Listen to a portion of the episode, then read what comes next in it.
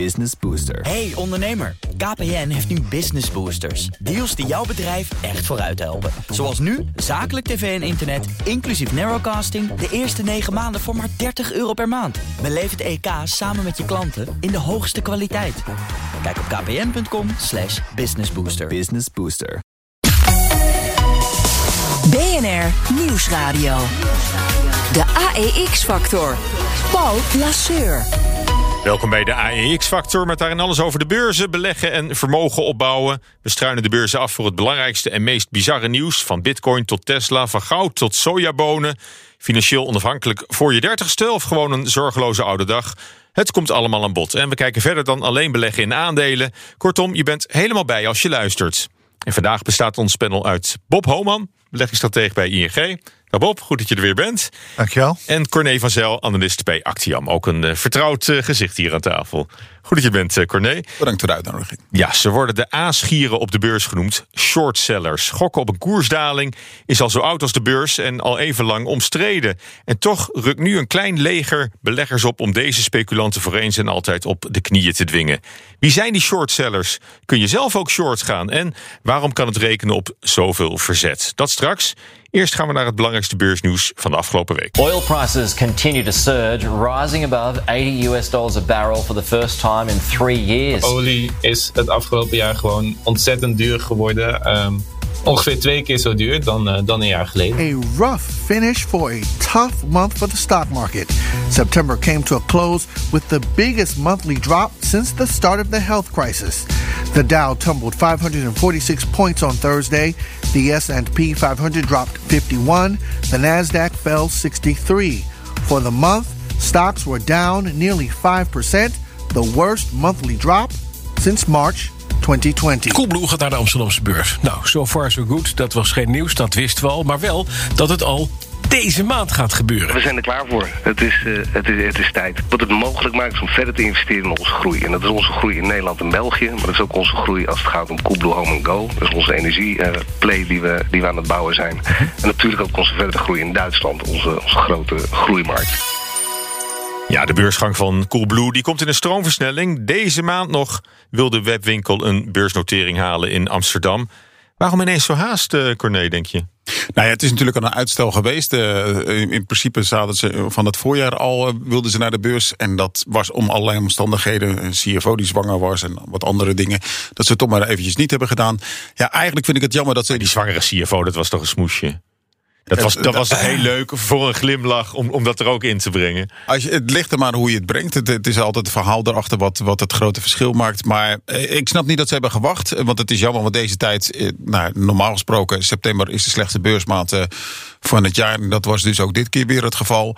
Um, en dan, ja, om, om dan met zo'n emissie te komen, dan is het beurssentiment toch net even wat anders. En dat maakt wel wat uit voor de, voor de totale opbrengst die je dan hebt. Ja, want Bob, dat is, dat is toch altijd al, al, spannend. En als je dan ook nog, als de beurzen zo hoog staan, dan is het toch, uh, ja, toch wel heel spannend om, om, om dan die beursgang aan te kondigen.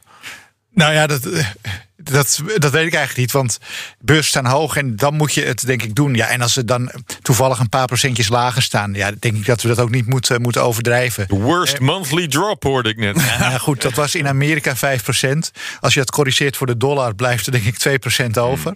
Hmm. Uh, dus in normale jaren heb je altijd wel twee periodes dat de beurs een keer 10% terugvalt. Dat hebben we al anderhalf jaar niet gezien. Dus ja, mag het een keer. En als je ziet wat er voor aandelen betaald wordt, blijft dat gewoon wel goed. Hè? Als je de waarderingen, nou dat zal voor Coolblue ook uh, gelden. En dat heeft natuurlijk alles te maken met die, die rente die nog steeds laag is. Dus ja, is misschien een paar procentjes af, maar het, het klimaat is nu niet opeens slecht. Dus, dus jij zegt uh, niks mis met die timing van uh, Coolblue als het nu aankomt? Nee, want kijk, je komt er het aan en het duurt dan nog eventjes. Het gaat nu denk ik wel vrij snel. Maar ja, dan kan je altijd hebben dat de beurs net die week uh, een paar procent wegzakt. Ja, nou en, zou ik zeggen. Ja. Op die dat, maar, dat denk je ook. Ja, want het, het, nee, maar dat is ook wel zo natuurlijk. Er zijn heel veel IPO's hè, dit jaar aangekondigd of, of, al, of al geweest. Ja, inderdaad. Uh, en het mooie van is, op de Amsterdamse beurs hebben we een heleboel gehad. Dat waren een aantal specs. Dat waren een aantal van die buitenlandse bedrijven. UMG, wat uh, vorige week kwam. En dan denk ik van, ja, dit, muziek, is, ja, dit is eigenlijk weer eens een echt heerlijk Nederlands bedrijf. Ook met veel potentie. Uh, wat dat betreft is dat denk ik een hele mooie aanwinst. Ja, en eh, wat zijn ze waard? Je zegt veel potentie, maar Nou. eh, ik, eh, dat, dat gaat wel in de, in de miljarden. Maar het is Ja, een beetje ja, aan wie je het vraagt. Inderdaad, dat ligt eraan wie het vraagt. Ik heb schattingen van 3 miljard gezien. Ik heb schattingen van 6 miljard gezien. Ik denk dat gewoon gemiddeld zo iets ten Gaan we, boven tussen, van de gaan we daar tussenin zitten? of- Nee, nee, iets boven de 4 miljard is, is een beetje de consensus. en ja, daarbij betaal je toch een, een dikke 100 keer de verwachte winst voor 22. En dat is best stevig. Maar ja, je koopt het aandeel natuurlijk ook niet voor de winst van 22. Je koopt het voor de, de lange termijn groei. En met dat home and go is, een, is denk ik wel een potentie. Ik, ik, als ik zo om me heen luister, zijn best mensen daarin geïnteresseerd. Want Coolblue heeft natuurlijk een hele goede eh, NPS, een net, eh, net promoter score. Dus klanten zijn er blij mee, dus gaan graag naar eh, Coolblue. Eh, en ook de, een belangrijke factor zal zijn in hoeverre ze in Duitsland succesvol zullen zijn. Maar daar heb je natuurlijk wel al Amazon DE. En dat is al een hele grote speler. En dat heb je niet in Nederland. Dus in Duitsland zal het gevecht toch wel heel wat moeilijker worden. Nou ja, maar het betekent wel dat ze misschien nu moeten gaan. Want Amazon.nl probeert het nu ook in Nederland al een tijdje. Ja, inderdaad. Nou, ze proberen het al een tijdje. Ik heb niet het idee dat ze echt voet aan de grond krijgen. Ehm, maar eh, bol.com is natuurlijk eh, ook een eh, serieuze concurrent. Maar dat is toch net over een iets andere lees geschoeid. En wat ik, in ieder geval bij mijn klein marktonderzoek bij mij thuis... vier kinderen, alle vier gevraagd, bol.com of Coolblue. En alle vier zeiden ze Coolblue, omdat de service gewoon een stuk beter is. Prijs controleren ze wel, maar de service vinden ze dermate belangrijk... dat ze toch altijd bij, nou niet altijd, maar vaak bij Coolblue uitkomen. Hebben ze goed gedaan, hè? Weet je, dat, dat sympathieke, dat glimlachje, Ja, ja, ja, ja. Die, En die- dat die- doen ze die- goed. Die blauwe neuzen volgens mij op die busjes. En dat is best knap, hè? Want juist als je alles online verkoopt, om dan toch het, het servicegevoel over te brengen, is best moeilijk. Ja. En dat is, eh, ik denk in een echte winkel is dat een, eh, een stuk makkelijker. En, en, maar lukt ze dat nou ook in Duitsland bijvoorbeeld? Want dat is echt wel cruciaal, ook voor het succes op de beurs. Dat ze daar eh, een beetje stand houden tegenover Amazon. Ja. .de, want ja. Daar gaat het echt een stuk moeilijker worden. Dus Maar als zijn ze het Duitsers lukt, net zo gevoelig voor, voor, voor dat glimlachje, voor, eh, voor, eh, voor, voor Pieter, eh, Pieter de Baas met, met zijn vrolijke... Ik denk wel dat Duitse servers gevoelig zijn. Dus in dat dus op zich kunnen ze scoren. En ja, Amazon DE is eigenlijk net zoals bol.com is ook heel veel. Is, dat ze maar het tussenkanaal zijn. En dat je van je service afhankelijk bent van de uiteindelijke leverancier. Ja, vind ik persoonlijk ook eh, wel eens irritant hoor. ja, ik ook. Ja, nee, maar dat, eh, dat, dat, dat snap ik heel goed.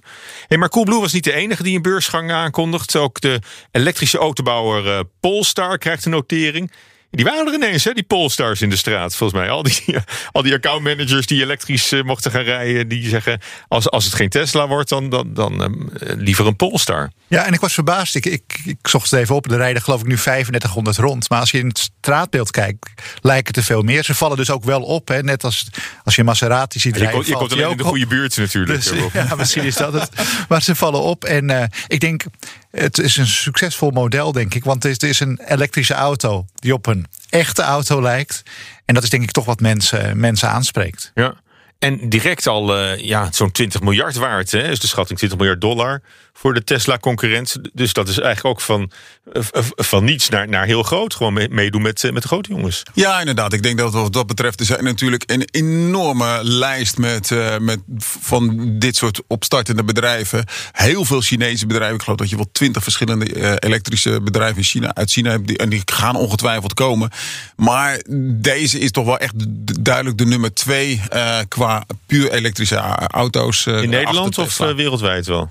Oeh, ik, ik, ik weet niet hoe groot ze in Amerika zijn. Het gaat nog niet zo heel hard, hè, want ze leveren pas in negen, negen landen.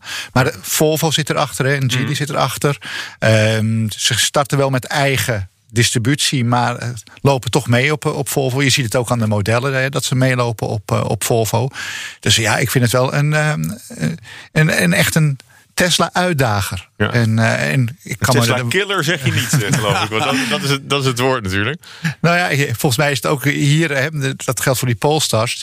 Ze zijn niet heel zuinig. Eh, dat is bij een elektrische auto misschien iets minder belangrijk, hè, omdat het wat minder kost. Maar dat beperkt ook je actie- actieradius. Ik denk dat dat verschil nog best vrij groot is. En, eh, nou ja, misschien als ze dat kunnen verhelpen, dat het uh, een goed, wordt. iedereen lijkt het wel, wil nu naar de beurs om, om nog gauw de smak geld op te halen voordat het allemaal eh, een beetje inklapt. Is, is dat, eh, die indruk krijg je een beetje. Ja, dan, dan had je dat Het van het, dringen, het, het, ja, is misschien wel de laatste mooie zomerdag voordat de herfst definitief invalt. Oh, In beursstemmen, ja, misschien wel. Ehm, Je ziet altijd dat de piek van eh, IPO's op het piek tegelijk is met de piek van de beurs. Maar dat heeft natuurlijk ook te maken met het feit dat ja, koersen erg hoog zijn. En dat mensen denken, ja, we gaan dan ook graag naar de beurs. En als dat sentiment verandert, zou je dat andersom zien. Eh, maar dat had je ook van het voorjaar kunnen zeggen. Toen waren, hadden we ook een piek bereikt in de IPO's. Dan kon je ook zeggen, ja, we, dan staan we op de piek van de beurs. Dus ik het denk niet dat het denk- echt een voorbode is. Het gaat denk ik ook wel goed samen met de investeringscyclus, hè, die ook wel weer duidelijk aantrekt. En wat je denk ik een tijd niet gezien hebt, hè, heel veel ehm, beursgangen hebben met elektrische auto's inderdaad te maken. Het is voor het eerst sinds tijden dat er weer nieuwe bedrijven worden opgericht die een groot startkapitaal nodig hebben. Ja. Je had natuurlijk heel Maar, veel maar, maar soft... die, die ook in grote tijd, eh, in korte tijd dat niveau al bereiken. Die enorme waarde. Hè? Want dat is net zoveel als, als, als Nissan. Hè? Bijvoorbeeld een gevestigd merk. Net zoveel als moederbedrijf Volvo. 20 miljard dollar. ja, ja, dat, dus, dus die hele hoge beurswaardering, hoe, hoe verklaar je die dan? Nou ja, dat is groei, hè, eh, potentiële groei. Dus daar zit natuurlijk ook een risico aan dat het eh, niet waargemaakt wordt, die groei. Maar nou ja, je, je ziet die rekensommetjes wel eens. Hè, als je zeg 50% per jaar eh, groeit, ja, is een koers-winstverhouding van nu is over twee jaar nog maar de helft. en dat gaat in een exponentieel tempo. Er is natuurlijk ook alle, alle beleggers die, die Tesla gemist hebben.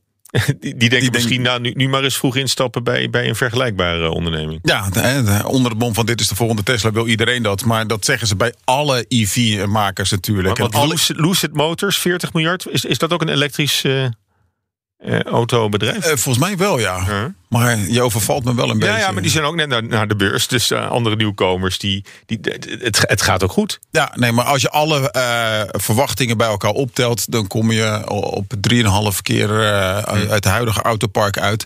In 2030 heeft iemand mij eens verteld. dat vond ik wel een aardige. Dus ergo, niet iedereen is de tweede Tesla. Eh, er zullen ook een hoop teleurstellingen zijn. Er is nog geen tweede Tesla als je naar beurswaarde puur kijkt. Want Tesla is, eh, ik geloof, eh, 770 miljard waard op, Ja. op dit moment. Dus dat is, eh, dat, dat is nog weer een factor. Dat is eh, even een andere maat. Ja. Eh, 20 zijn, ze, zijn ze meer waard. Eh, is er nog verder een onderscheid eh, voor Polestar... waarmee ze zich eh, een beetje onttrekken aan, die- aan die hype van elektrische auto's? Nou, ik vind de- duidelijk dat eh, ehm, het model eh, daar onderscheidt scheiden zich mee. En dat lijkt een beetje. Het is een op- normale auto. Ja, het is, een- en dat willen denk ik veel, eh, veel autokopers. Ja, ik moet zeggen, ik heb persoonlijk een Kia Niro, ook een elektrische auto. En het prettig van, ik, ja, het is ook een normale auto die je ook in een gewoon een, eh, een Ja. benzineversie hebt. En dat vind ik er wel prettig aan, dat, het, dat het niet een heel raar model is waarvan je Nee, denkt, maar ik denk is, dat is Polestar wel grappig dat, dat, dat nette mensen ineens toch in, in Kia's en in, in Hyundai's eh, gaan rijden. hè? Vind je niet? Nee, maar ja, dat het, is, het is ineens alsof, alsof het niet meer uitmaakt. Maar dat is de vraag inderdaad of iedereen dat wil. En zo'n Polestar heeft denk ik wel het hogere segmentuitstraling. Hè. Dat- Daar lift het heel goed op Volvo mee, denk ik. Ja. Ja, en, en ze doen het met behulp van een spec. Hè? Dat is eigenlijk een beetje een, een, een zak met geld... die dan in het, in het bedrijf wordt gestoken vervolgens. Ja, die wacht op eh, een fusie met, eh, met een bestaand bedrijf. En zodoende, de een heeft de beursnotering, de ander heeft het bedrijf. En samen hebben ze een beursgenoteerd eh, bedrijf. Ja. En is, is, is daar nog wat van te zeggen? Of is het in dit geval een, eh, een, een, logische goed? Spec is natuurlijk een hele makkelijke manier om naar de beurs toe ga- te gaan. Want eh, die beursnotering is er al. En daarom kan ik me ook voorstellen waarom het zo populair is. En je kan ook gelijk verwachtingen meegeven. Dat kan je bij een normale IPO niet. Dus wat dat betreft is het een hele logische manier. Alleen ja, iedereen zit te wachten. Er staan nog 473 specs open die allemaal wachten op zo'n fusie. Ja. Dat is wel de eerste hype geweest van, van maart van dit jaar. En eh, er is ook een mooie ETF van, een spec-ETF. Ja, die heeft sinds maart een dramatisch slechte performance laten zien. Want er is veel te veel geld wat allemaal wacht op, op de nieuwe overname. Er is niks om het aan uit te geven nog. eh. Nee, en een IPO is denk ik hè, voor bedrijven eh, duurder om, om dat te doen. En je moet een track record hebben hè, van minstens een jaar met, met cijfers en dergelijke. Dat is bij een spec iets minder streng. Maar je moet denk ik niet vergeten dat bij een spec hè, de aandeelhouder, hè, die, die spec. Die, nou, vaak een tientje eh, stort, hè, eh, dat daar wel wat cash van afgehaald wordt. eh, voor daadwerkelijk in de overname nog wordt. afgeroomd allemaal. Aan de Nou ja, oprichters. Maar, maar die, Ja. die, die elektrische auto's dan... als je naar de olieprijs kijkt, de benzineprijs aan de pomp, hè, voor, boven de 2 euro voor het eerste adviesprijs nu, is nog nooit zo duur geweest. Uh, ruwe olie 80 dollar per vat. Um, dat is misschien ook wel een goed moment voor, voor, voor elektrische auto's. Maar ja, het is, het is voor, voor, voor de meeste andere auto's is het natuurlijk heel erg. Uh, heel erg uh, problematisch. Hè? En, en, uiteindelijk ook, weet je, die energieprijzen hangen toch allemaal met elkaar samen. Ook elektriciteit houdt. Mm. Hangt mm. uiteindelijk samen met, uh, met de olieprijs. Maar goed, uh, elektrisch rijden is denk ik, hè, als je het per kilometer rekent, echt wel nou, twee, drie ja. keer zo goedkoop. Ja. Als je ja de kilowatturen rekent. Um, en misschien uh, die, die olieprijs. Uh, ja, ik, ik, denk. Er zijn echt onderinvesteringen geweest. En dat heeft te maken met de, hele, de hele duurzame transitie. En misschien ook wel met de emissierechten die zo duur zijn. Ja. Hè? Um, maar goed, het heeft er ook mee te maken, begrijp ik dan, dat, uh, dat, dat de OPEC de productie nog even, even laag houdt. Maar dat is eigenlijk. Dus een soort kunstmatige schaarste creëert. Nou, en, en ik... dat stuurt de prijs op. Ik denk, niet dat, ik denk dat er wat groters achter hangt. Tuurlijk, die OPEC is altijd actief en die probeert dit altijd te spelen. Maar die is ook niet gebaat bij een te snelle uh, stijging van, uh, van de olieprijs. En omdat ook dan die transitie misschien mm. weer, weer sneller gaat. Nee, het is denk ik op dit moment echt wel dat er wat onderinvesteringen zijn geweest. Waardoor je ik denk voor wel iets langere tijd een, een hoge olieprijs houdt. Misschien ja, nog wel iets nog. hoger dan nu. Ja, ja, 100 dollar per vat, gaan we dat nog zien? Ja, dat verwacht ik wel. Ja? En op korte termijn? Ja, ja, het zou me niet verbazen als je dat dit jaar nog een keer ziet. Ja. Ja, wat je wel ziet is, omdat die gasprijs zo geëxplodeerd is, dat mensen ook naar alternatieve energiebronnen kijken. En dat is ook een, een plus voor de olieprijs. Sommige dingen kan je op olie laten draaien. En, en, die nu op gas draaien. Ja, dus het zijn er niet zoveel, maar dat betekent wel wat alternatieve vraag. En besef wel dat voorlopig nog steeds die olieprijs, uh, of de olievraag uh, toeneemt. Hè. De gemiddeld, hmm. afgezien van vorig jaar, maar normaal gesproken stijgt die met 2% per jaar. Ja. Maar Nee, heel simpel. Je kan als overheid beprijzen wat je wil om de energietransitie transitie goed en snel te laten doormaken. Maar Mr. Market kan dat veel en veel beter en dat zie je op dit moment. Ja, nou, en nou ligt dat klimaatrapport hè, van de VN nog, nog op tafel bij iedereen. Dat is pas, pas een maand of twee uit volgens mij. ernstige droogte, zware regenval, dat gaat allemaal verergeren. Overal ter wereld in rap tempo. Klimaat op in Glasgow volgende maand. Uh, dat moet nieuwe afspraken opleveren over de energietransitie. Je ziet nog niet erg dat financiële markten daar hun conclusies aan verbinden. Of, of denken van uh, dat met die olie is een aflopende zaak. Misschien. Nou jawel, als je, als je gaat kijken naar de performance van oliebedrijven, die is vrij dramatisch geweest. Bij de huidige olieprijs Um, maar ja, simpelweg, als je deze olieprijs uh, vier, vijf jaar geleden had, stonden de oliebedrijven, denk ik, uh, iets van 50 procent, ja, ja, nou ja, in ieder geval een stuk hoger. En het verschil is echt puur te verklaren door een hmm. beleggers die er afscheid van nemen. Dus wat ja. dat betreft. Uh, maar goed, als de olieprijs hoog is, heb je, en daar had jij het een beetje over, Bob net, is, is de, dan neem je wel de prikkel weg bij de oliereuzen om nog in die transitie te investeren. Ja, maar van de andere kant uh, geef je de solar- en, uh, en windproducenten een, een extra prikkel. Uh, dus ja, de, ik denk dat een hoge olieprijs de energietransitie uiteindelijk wel versnelt. BNR Nieuwsradio, de AEX-factor. Wesley Weerts is aangeschoven om vooruit te blikken naar volgende week. En dan komt PepsiCo met cijfers van de cola, Onder meer, hè? Onder meer, Wat ja. kunnen we verwachten? Want het is lang niet alleen uh, cola, volgens mij. Nee, ze doen uh, heel wat meer. En bij de vorige kwartaalcijfers overtrof PepsiCo de verwachting van analisten. Het verhoogde toen ook uh, de outlook. En het bedrijf lag zo goed op koers... dat het dit jaar een omzetgroei van 6% denkt te boeken. Dat is een procentje meer dan ze eerder verwachten. En dat komt doordat de verkoop van die frisdrank... waar dat ze dus onder meer van bekend zijn... dat zit weer in de lift omhoog toe. Hè. Lange tijd werd er natuurlijk minder verkocht... vanwege de sluiting van de horeca sportwedstrijden, evenementen die niet door konden gaan. Maar ja, nu die coronamaatregelen weer steeds verder worden versoepeld en de boel weer open kan, ja, dan zie je ook dat er weer meer frisdrank wordt verkocht. Heel veel meer. En dat zie je dus uiteindelijk dus ook terug in die omzetverwachting. Ja, maar hoe erg is PepsiCo nog afhankelijk van de, van de dranken? Nou, toch wel best wel erg. Het is nog steeds een belangrijke tak. Ongeveer de helft van de omzet komt daar vandaan. Maar wat je tijdens de pandemie zag gebeuren... is dat die snacks steeds belangrijker werden. Of dat, dat heeft ze eigenlijk een beetje gered... Uh, en, en, door die crisis heen geholpen. Want pak maar eens een uh, willekeurig product... uit het uh, chips- en notenvak in de supermarkt. En de kans is groot dat dat dan een product van Pepsi is. Denk, denk aan tijgernootjes van duivens, leeschips natuurlijk... Doritos, dat is allemaal PepsiCo. en toen we niet meer naar de bioscoop konden... of naar een sportwedstrijd... nou, dan gameden we meer of we gingen thuis eh, natuurlijk tv kijken. We zetten Netflix op en dan is het redelijk verleidelijk om een zak chips eh, open te trekken. En daardoor is het bedrijf PepsiCo toch hogere resultaten te boeken. En daarmee verschilt het ook wel eh, op een belangrijk punt van bijvoorbeeld Coca-Cola, waar het vaak mee vergeleken wordt. Ja, ik kan me uit de 80, jaren 80 en 90 van de vorige eeuw nog de, de Cola Wars herinneren. Tussen Pepsi aan de ene kant en Cola aan de andere kant. Uh, maar intussen uh, zijn het eigenlijk een beetje andere bedrijven. Ze hebben toch wel een ander profiel. Ze hebben wel een ander profiel, dat klopt absoluut. Want die twee bedrijven die worden vaak met elkaar vergeleken. Dus maar PepsiCo die haalt meer dan de helft van zijn omzet uit de verkoop van die chips en havermout. Daar zijn ze ook uh, groot in. En Coca-Cola daarentegen, ja, die draait toch ja, zo goed als volledig op drank. En is dus ook veel meer afhankelijk van de verkoop in restaurants en bars en clubs. Waardoor het ook tijdens corona harder geraakt werd. Dat zie je ook terug op de beurs, want daar is PepsiCo ook duidelijk de winnaar. Het bedrijf is alweer evenveel waard als voor de pandemie. Volgens mij zelfs ietsjes meer. En dat geldt bijvoorbeeld niet voor Coca-Cola. En in die zin is dat grote portfolio van Pepsi toch wel een voordeel. en ik noem dat zo expliciet omdat er al jaren gaat het over, ja, moet je die, die drankendivisie en die snackdivisie nou niet opsplitten? De top van PepsiCo heeft zich daar altijd tegen verdedigd van die druk van buitenaf. Um, en je ziet dat dat in de pandemie dus wel echt wat opgeleverd heeft. Het heeft zijn voordeel opgeleverd.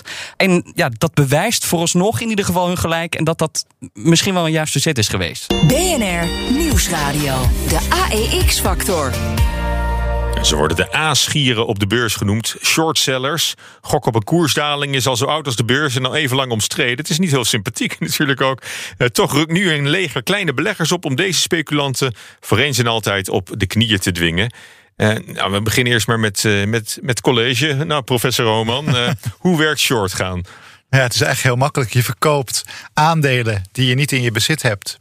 Um, in de hoop dat ze dalen en dat je ze later goedkoper terug kunt kopen. En daarvoor moet je die aandelen dan wel lenen.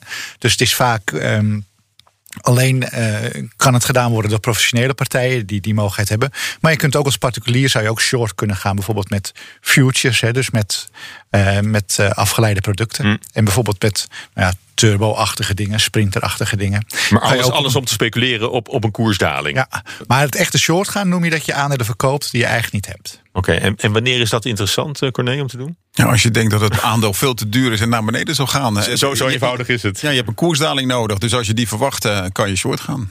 Ja, en uh, wat, zijn, wat zijn de risico's daarvan? Kan je daar echt het schip mee ingaan? Ja, ik kan me voorstellen, hij, hij gaat, als een aandeel uh, niet, uh, niet omlaag, maar omhoog gaat bijvoorbeeld. Ja, zeker. En kijk, wat, wat, wat gebeurt er dan met je geld? Met je, nou ja, als je een aandeel, stel je voor je gaat een aandeel short op 10 euro. Um, je weet, een aandeel kan maximaal dan 10 euro zakken, dat is nul. Maar hij kan wel doorgaan naar 100, misschien zelfs 300. Um, en dan heb jij inderdaad op dat tientje wat je gevangen hebt, heb je opeens 290 euro uh, verlies.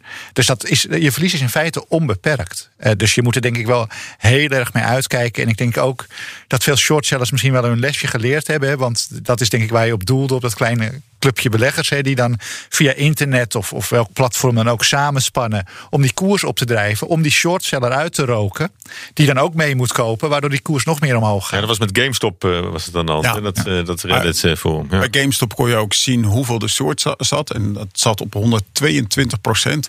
Dus er was meer short gegeven dan er überhaupt de aandelen uitstonden. Ja, en dan is het ook wel heel stom van die shorters om zoveel short te gaan natuurlijk. in principe kan dat ook helemaal niet. dus als je gaat kijken wat voor, waar de beste kansen liggen van, om zo'n short uit te roken, dan moet je kijken van hoe groot is dat percentage wat de short gegeven is. En met name bij Amerikaanse aandelen is dat uh, redelijk goed bekend. Uh, dus je kan je gewoon op, op nou, ik kan het in ieder geval op Bloomberg zien. Uh, en nou, dan kan je dus zien, oké, okay, als er ergens wat gebeurt en die koers gaat omhoog, dan zijn dat de aandelen die het meest zullen exploderen mm. daardoor. Ja, en dan kan je het nog zo gelijk hebben dat het bedrijf veel ja. minder waard is. Maar ja, je kan het kan heel lang duren. Ja, en dan moet je misschien hè, van je bank of, of van wie je dat geld ook uh, geleend hebt, uh, zul je uh, toch moeten terugkopen. BNR Nieuwsradio. De AEX-factor. Paul Lasseur. Bij mij in de studio nog altijd Bob Homan, beleggingsstratege bij ING... en Corné van Zel, analist bij Actiam het optimisme op de beurzen maakt uh, short gaan uh, toch wel wat minder uh, aantrekkelijk. Wie durft er nog, nog short te gaan? Of is het misschien juist wel een goed moment Nou, als, je, als je denkt van nou, we staan nu zo hoog, dat kan alleen maar minder worden. Als je dat denkt, moet je short gaan inderdaad. Maar je ziet dat steeds minder mensen het durven. De, de short ratio's zijn echt ultra laag. Niemand durft meer short te gaan, want iedereen eh, ja, is bang voor die eh, verder stijgende koersen. En eh, dat zie je ook in eh, sommige specifieke aandelen. Zoals eh, in Tesla durft niemand meer short te gaan. Want dat aandeel is zoveel harder gestegen dan iedereen voor ooit voor mogelijk had gehouden. Nee, dat was wel een historische miskleun, denk ik, hè, van die shortsellers op eh, Tesla. was wel een favoriet aandeel om short te gaan. Want hè, ik denk dat het nog niet heel lang geleden is dat. Want geen enkel autobedrijf kan zoveel waard zijn. was Nee, maar een paar jaar geleden dacht ook niemand: dit, dit gaat ook echt niks eh, worden. Maar je ziet nu.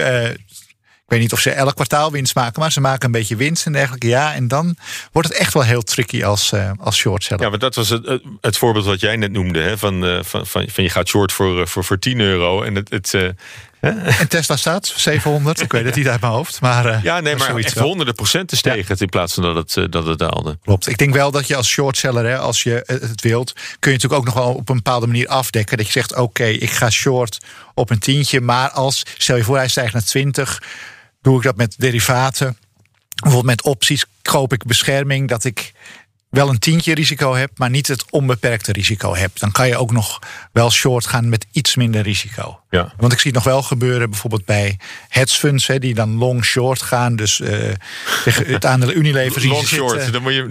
Nu wordt het nog technischer misschien. Nee, ja, op zichzelf wel. Gewoon semantisch is dat een beetje. Nee, maar die kopen dan bijvoorbeeld een eh, aandeel Unilever en die financieren dat door een aandeel Nestlé te verkopen die ze niet hebben. Met het idee: Unilever gaat het beter doen dan Nestlé, ongeacht de richting van de beurs. Nou, dat zijn natuurlijk best aardige gedachten als je een hele goede analist bent. Mhm. Maar uiteraard ook niet zonder risico. Ja. En, maar, en dan moet je ook echt heel erg gaan, gaan puzzelen met die, eh, met die beleggingsproducten. Ja, je moet. Of, ja, ja, of, Zeker. of met, met opties. Hè? Misschien bij short gaan moet je nog wel beter even goed weten waar je mee bezig bent. Want eh, ja, zoals Bob al zei, de verliezen zijn onbeperkt. En eh, ja, eh, er zijn heel veel gevallen geweest natuurlijk. eh, waarbij die short posities maar groter en groter werden. En die genadeloos zijn afgestraft. Maar goed, aan de andere kant, er zijn ook veel mensen eh, of beleggers die er uiteindelijk wel geld mee, eh, mee hebben gewonnen. Hè. Zeker als je eh faillissementen ziet, eh, ziet aankomen.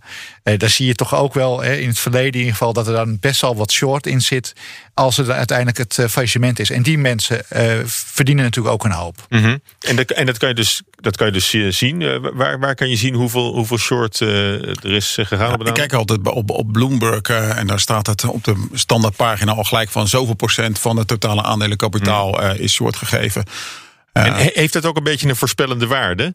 Kun je het ook omdraaien? Dat, dat mensen niet short gaan omdat ze denken dat het bedrijf failliet gaat. Maar dat de, de markt denkt dat bedrijf zullen eens failliet kunnen gaan als, ze- als ze zoveel short. eh, Nou, als er heel veel short gegeven wordt, dan gaan sommige andere mensen, gaan mensen bij een bank denken: oh, is er wat aan de hand? En zullen ze wat kritischer naar het eh, krediet gaan kijken. Dat kan dus een, ja, een wederkeerd principe zijn.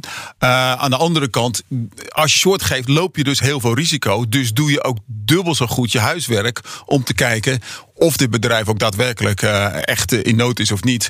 En wat je ook nog wel eens ziet, en daarom wordt het een beetje gezien al- als de aasgieren, is dat er een beetje gepusht wordt in de media, dat er wat vage researchrapporten naar buiten komen van ja, dit bedrijf is helemaal fout. Maar dat wordt dan vooral naar een positie toegeschreven. En, en daarvan hebben ze die slechte naam. En dat, dat is jammer, want op zich eh, een heleboel van die goede ja, short research moet ook heel erg goed zijn. Eh, eh, Evergrande is bijvoorbeeld een prachtig voorbeeld waar partijen jaren en jaren lang heel short goed geresearched. opgezeten. eh. Ja, alleen jammer dat de meeste mensen daar heel veel geld op hebben verloren. En dat ze pas nu uiteindelijk failliet zijn gegaan. En dat de shortposities niet meer zo groot waren. Ja, en, dat de debakel GameStop, hè, dat was misschien een nog groter trauma voor shortsellers, denk ik. Dat denk ik wel, want daar zie je dan de, de kracht van, eh, van de massa. Hè? Als eh, je.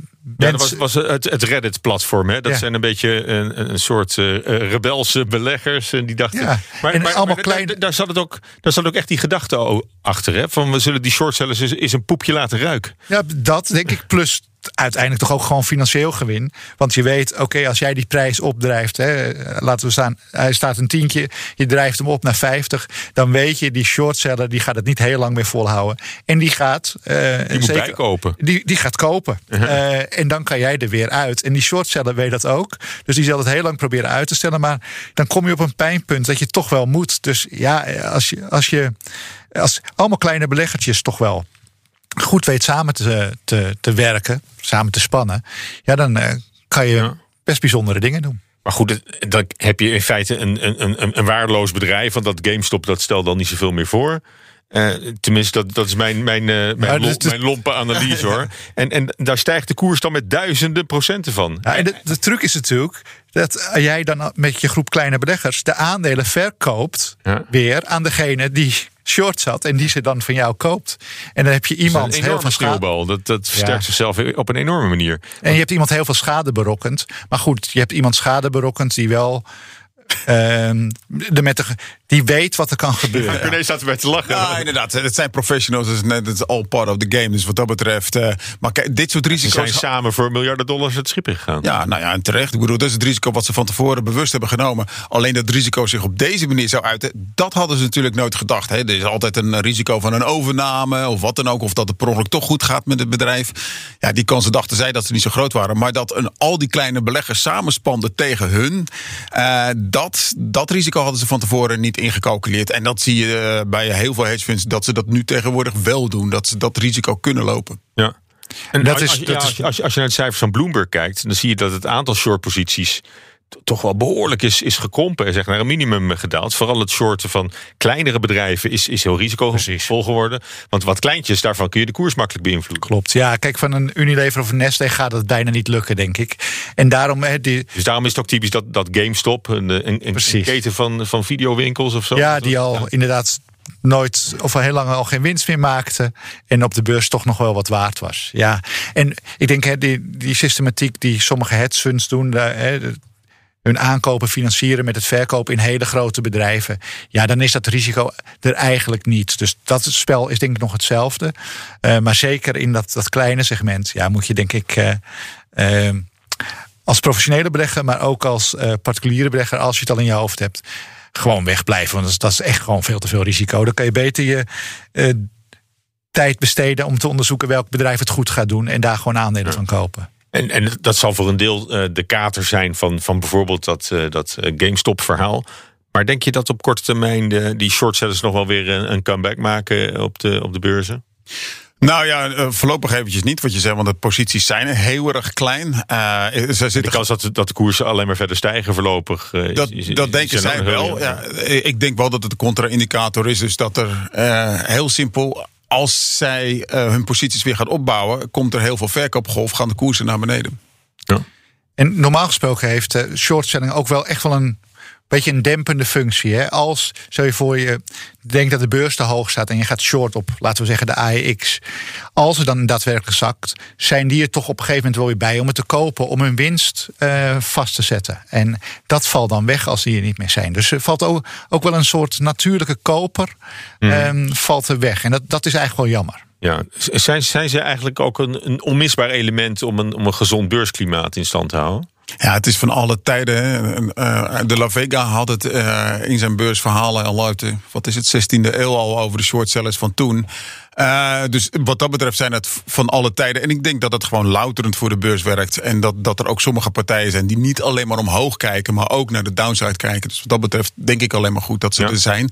En, je zei al, juist omdat ze zo risicovol opereren, zullen ze extra goed hun huiswerk moeten doen. Ja, inderdaad. De- Dus En, eh, ze- ze- ze zijn ook gewoon goed. Het zijn ook de detectives van de beurs een beetje. Nou Wirecard is een prachtig voorbeeld waar je dat dus voortdurend hebt gezien. Daar zat altijd een grote shortpositie in.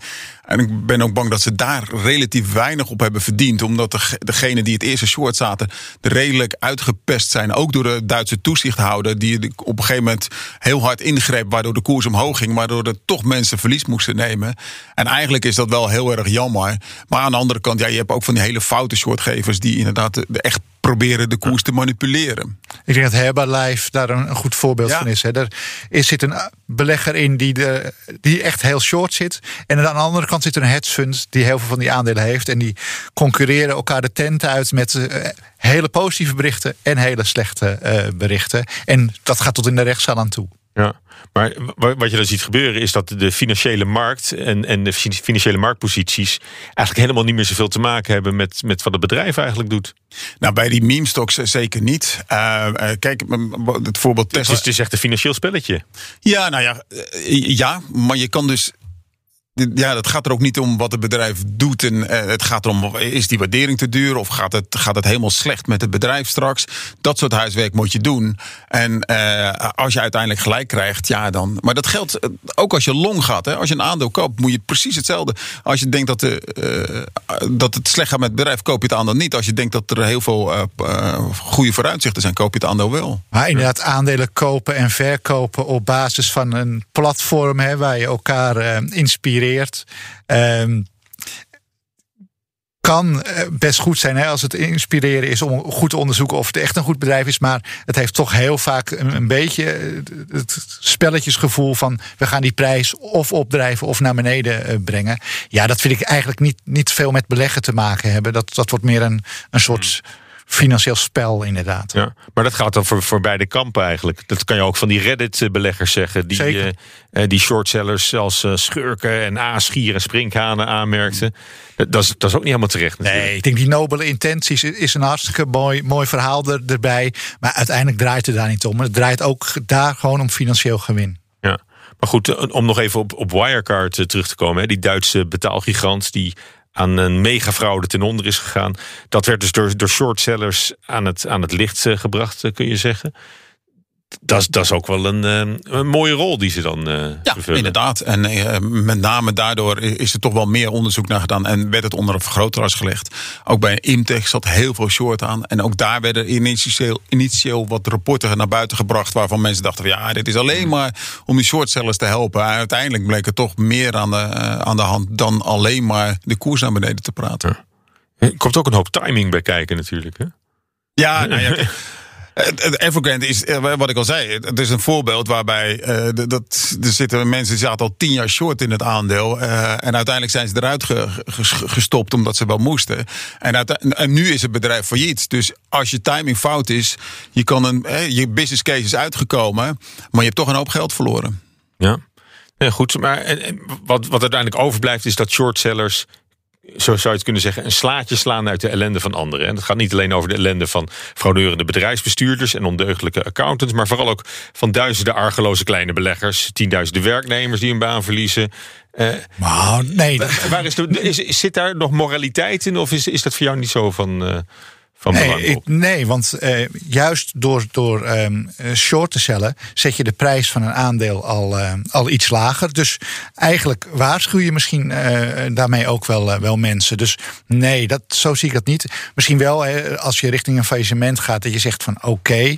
maar zeker als jij een aandeel te duur vindt. Ja, dan is dat eerder een, eh, een effect wat eh, zeker niet nadelig is voor kopers. Want je verkoopt aandelen en dat drukt in, in principe de prijs ietsje. Maar goed, er is ook een perverse prikkel, daar hebben we hebben we het ook net over gehad, om negatieve informatie te verspreiden over een bedrijf waarin je short zit. Ja, nou, dat is een kwalijke kant. Maar besef, aan de longkant gebeurt precies hetzelfde. Hè. Ook daar zie je dat allerlei positieve verhalen naar buiten komen om een koers op te drijven. En ook dat kan je zeggen, dat is net zo laakbaar als de, de shorters die dat doen. Oké, en de, de longkant eigenlijk is gewoon het kopen van een aandeel is feitelijk een, een longpositie. Ja, inderdaad. En als jij tegen iemand anders vertelt dat is een goed aandeel moet je kopen, ben je in feite net zo laakbaar bezig als een shorter die zegt van dit bedrijf gaat failliet, dus verkoop maar. Ja. En eh, kun je onderscheid maken tussen, tussen legitieme shorters en, eh, en mensen die, die kwade bedoegingen hebben? Nou, denk- zijn, zijn het wel vergelijkbare partijen? Ik denk dat het vergelijkbare partijen zijn, maar ik vind zeker eh, eh, degene die echt diepe analyses doen en zo'n pair trade, hè, als je dat noemt, wat, het voorbeeld wat ik net noemde, het Nestlé en Unilever eh, opzetten. Ja, die hebben gewoon echt heel goed hun, eh, hun huiswerk gedaan. Die nemen ook nou ja, een gecalculeerde gok. Die doen denk ik daar niemand eh, kwaad mee. Dus, en en eh, zetten de markt juist misschien wel een, eh, een beetje op de juiste waarderingen. Ja. En de politiek bemoeit zich er ook al, al wel eens mee. Hè? Die wil shortcellen eigenlijk aan, aan banden leggen. Is dat een, eh, een, een heilloze weg? Of eh, zie je dat nog wel gebeuren? Dat er een, Nee, nou, shortverbod komt of zo? Met name bij financiële partijen, bij- bij banken en verzekeraars zie je dat er soms een shortverbod komt. Eh, Tijdens de financiële crisis was Ja, een mooi voorbeeld. tijdelijk dan altijd, Ja, en wat je daar dan ziet, is dat het zo'n soort zelfversterkend effect heeft. Als er heel veel shorters wordt gegeven, gaat de koers hard naar beneden, komt er meer wantrouwen. En kijk, als een bank ergens omvalt, is het alleen maar door wantrouwen eh, in, het, eh, in het systeem of in de bank zelf. En dat heeft daardoor een zelfversterkend effect. Dus ik kan me heel goed voorstellen dat je bij uh, banken en verzekeraars zegt van ja, oké, daar doen we het af en toe. Maar voor de rest, de overige bedrijven, zou ik zeggen van waarom zou je daarmee bemoeien? En, en je ziet, Wirecard is een heel mooi voorbeeld waarbij uh, een toezichthouderinstantie zich daar heel hard mee bemoeid heeft en toch uiteindelijk aan de verkeerde kant bleek te staan. Daar zou voor mij de grens liggen. Hè. Zodra dat shortcellen de werkelijke uh, prestaties van een bedrijf gaat beïnvloeden, omdat consumenten uh, minder vertrouwen krijgen in het bedrijf en daardoor minder daar gaan kopen of, uh, of sparen bij een financial. Dat is voor mij zou de grens zijn. Ja, maar feitelijk is dat een, een time-out die, die de overheid dan oplegt, bijvoorbeeld. En, en, ja, en, en dat, dat, dat, is wel, dat is wel redelijk. Dan, dan zeg je van dat, dat, is, dat is geoorloofd in, in bepaalde gevallen. Wat mij betreft wel. Ja. Maar wel in uitzonderlijke gevallen. Want voor de rest moet je de markt zoveel mogelijk de markt laten. Het zijn kopers en verkopers en iedereen is vrij om te doen en laten wat hij wil. Ja, het gaat niet wel net erg lekker toevallig, eh, Corné, met de markten. dus kun, je dat, kun je dat makkelijk zeggen? Maar... Ja, nee, ik denk dat je ook nu heel weinig oproepers zit om short gaan te verbieden. Want ik denk dat iedereen denkt, nou de markt straft ze wel hard genoeg af. Dus daar hoef je geen zorgen over te maken. Ja, we, zullen het, eh, we zullen het allemaal, allemaal volgen. Er komen vast wel verhalen boven, denk ik, eh, de komende tijd. Hartelijk dank eh, voor nu. Bob Homan, beleggingsstratege bij ING. En Corné van analist bij Actiam. Dank jullie wel. Ik hoop dat je volgende week vrijdag om 7 uur weer luistert naar een nieuwe aflevering op de radio of natuurlijk via jouw favoriete podcastplatform. Heb je voor ons een gouden beleggingstip of een vraag voor het panel? Stuur dan een mailtje naar aexfactor.bnr.nl. Tot volgende week. Hardlopen, dat is goed voor je. En Nationale Nederlanden helpt je daar graag bij. Bijvoorbeeld met onze digitale NN Running Coach... die antwoord geeft op al je hardloopvragen. Dus, kom ook in beweging. Onze support heb je. Kijk op nn.nl slash hardlopen.